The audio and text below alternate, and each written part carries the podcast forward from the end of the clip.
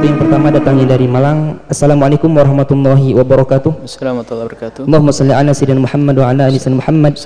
Buya, saya Rodiah dari Malang. Saya mau bertanya, bagaimana ada yang bilang kalau nyuci kalau nyuci baju itu membilas sabunnya harus dengan air mengalir? Apa benar? Bagaimana kalau menggunakan mesin cuci? Mencuci dengan mesin cuci. Membilas air dengan air yang mengalir. Ini harus paham dulu bahwa mensucikan baju dari kena najis itu sebetulnya sangat sederhana. Tidak seruat yang dibayangkan oleh ibu-ibu di kampung. Mengguyurnya tidak harus tiga kali. Kadang-kadang kan ada mengguyurnya tiga kali penuh, dibuang lagi, penuh, dibuang lagi, penuh, dibuang lagi. Sudah begitu suaminya tidak mau membantu, sudah dulu nimbanya pakai begini. Hmm. Karena ilmunya yang kurang, maka repotlah dia. Baik.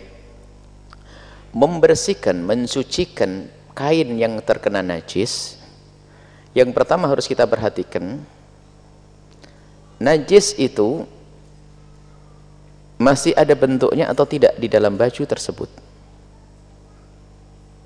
Kalau ada bentuknya, tolong diambil, supaya nanti tidak menyebar ke mana-mana. Kemudian setelah itu, kita harus tahu air yang akan kita gunakan itu air yang banyak atau air sedikit. Air banyak itu adalah air yang mencapai dua kullah dua kullah itu kurang lebihnya 216 literan. Beda kalau kita mencuci baju di kolam di danau bebas. Terserah kau guyurkan atau kau celupkan sama karena apa? airnya air yang banyak di sungai dan seterusnya. Kalau airnya banyak nggak ada masalah baju yang terkena najis anda masukkan ke sungai lalu anda bersihkan anda angkat asalkan tidak ada sisa-sisa najisnya maka itu sudah suci kalau airnya banyak. Tapi kalau air kita adalah sedikit yang tidak sampai dua kullah kurang lebihnya dua kullah 200 literan deh kita hanya punya air timba-timbaan. Timba dituang, timba dituang. Maka ingat jika airnya sedikit maka jangan salah. Baju tidak boleh dimasukkan ke dalam air tapi hendaknya airnya yang datang. Air didatangkan. Artinya kalau anda mencuci di mesin cuci biarkan baju dahulu masukkan ke mesin cuci baru air didatangkan. Airnya yang didatangkan jadi air dimasukkan.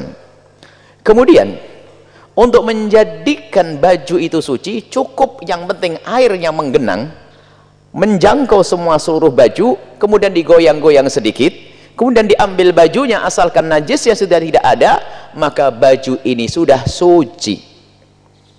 Biarpun ternyata airnya nanti menjadi berubah warnanya dibuang saja. Nggak usah dimasak. Buang jadi artinya mensucikan baju itu sangat mudah. Kalau ingat jika airnya itu adalah air yang sedikit hanya timba yang isinya 10 liter 15 liter maka jangan salah. Kadang-kadang males airnya ditaruh dulu. Sambil kerannya keran kecil kan keran kota kan kecil biasanya. Kecil apalagi sudah subuh. Baru rame banter jam 4, 3 masa jam 3 nyuci baju setelah penuh airnya langsung bajunya kena najis dimasukin. Maka akan menjadi najis semuanya dalam madhab kita Imam Syafi'i. Jadi kalau baju yang kena najis dimasukkan maka merusak air. Tapi caranya kalau anda pakai mesin cuci mesin cuci adalah paling menampung 25 liter dia. Artinya tidak akan menjadi air banyak. Ini mesin kecil rata-rata lah. Maka hendaknya baju yang terkena najis tadi dengan dibersihkan dulu najis-najisnya kemudian setelah itu dimasukkan ke mesin cuci baru air didatangkan. Setelah air didatangkan tidak harus ngelober tumpah. As catatan tidak harus tumpah. Ini yang bikin pusing sian orang hamil tuh. Nyuci baju suaminya harus tumpah terus sih. Untuk menjadikan suci cukup. Kemudian setelah air meng menggenang cukup menjangkau semua bagian baju digoyang sedikit saja kemudian airnya dibuang sudah beres. Ini maka kalau ingin memberi sabun lah sabun itu merusak air. Air sedikit kalau terkena sabun maka air tersebut menjadi tidak bisa mensucikan membersihkan iya tapi tidak bisa mensucikan maka waspada. Sabun jangan anda berikan di awal basuhan.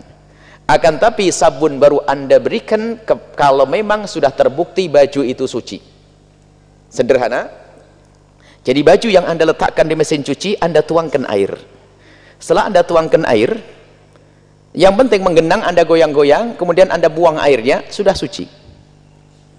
Baju itu sudah su suci. Kemudian setelah itu baru anda kasih air lagi. Baru setelah itu dikasih sabun. Karena saat ini anda tidak mencucikan lagi tinggal member, membersihkan. Anda kasih sabun. Setelah anda kasih sabun suka-suka mau dibilas gak dibilas terserah.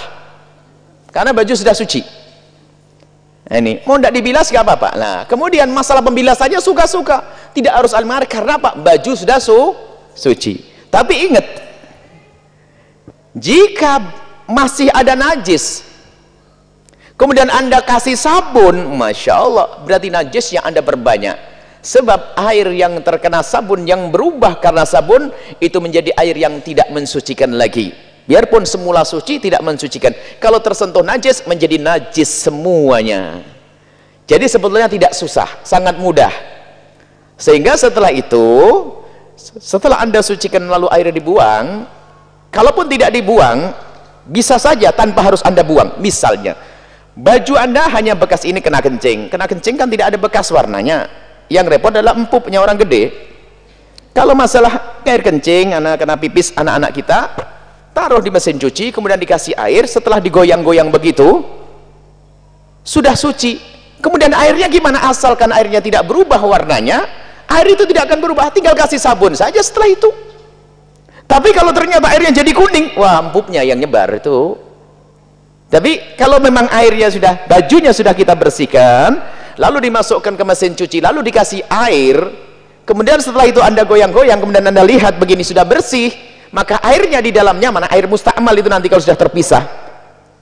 Kalau belum tidak akan menjadi mustakmal maka air tersebut bisa dikasih sabun karena proses pensuciannya sudah tinggal sekarang proses pembersihannya.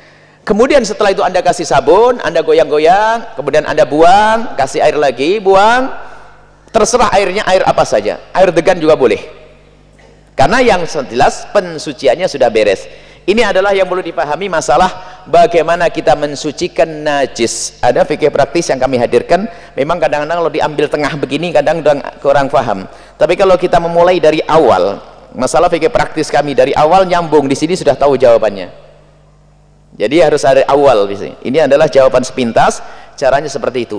Jadi kalau membilasnya karena baju tersebut sudah suci maka membilasnya pun ya terserah airnya mau didatangkan atau airnya didatangi nggak ada masalah. Sampai bersih nggak nggak nggak nggak harus sampai bersih. Ada sisa-sisa bau sabunnya sayang banget biar wangi juga boleh. Hah? karena apa? Proses pensuciannya sudah beres. Baik ini adalah sepintas. Mohon bagi yang belum jelas agar tidak salah paham ada bisa ngambil kopi-kopi fotokopi uh, video-video tentang fikih praktis ya kami hadirkan karena harus ada kesempurnaan. Sebab nanti yang kita bahas dulu tentang apakah air mustakmal air mustakmal ada air mustakmal di raf'il hadas untuk mengangkat hadas ada hadas besar hadas kecil ada untuk izalatin najasah itu mengangkat najis. Semua ada syarat-syaratnya di situ. Kemudian setelah itu najis ada dua hukmiyah dan ainiyah. Nanti dibahas rinci insyaallah. Bisa dilihat nanti. Kalau mau dihadirkan fikih khusus nanti dihadirkan. Wallahu a'lam bissawab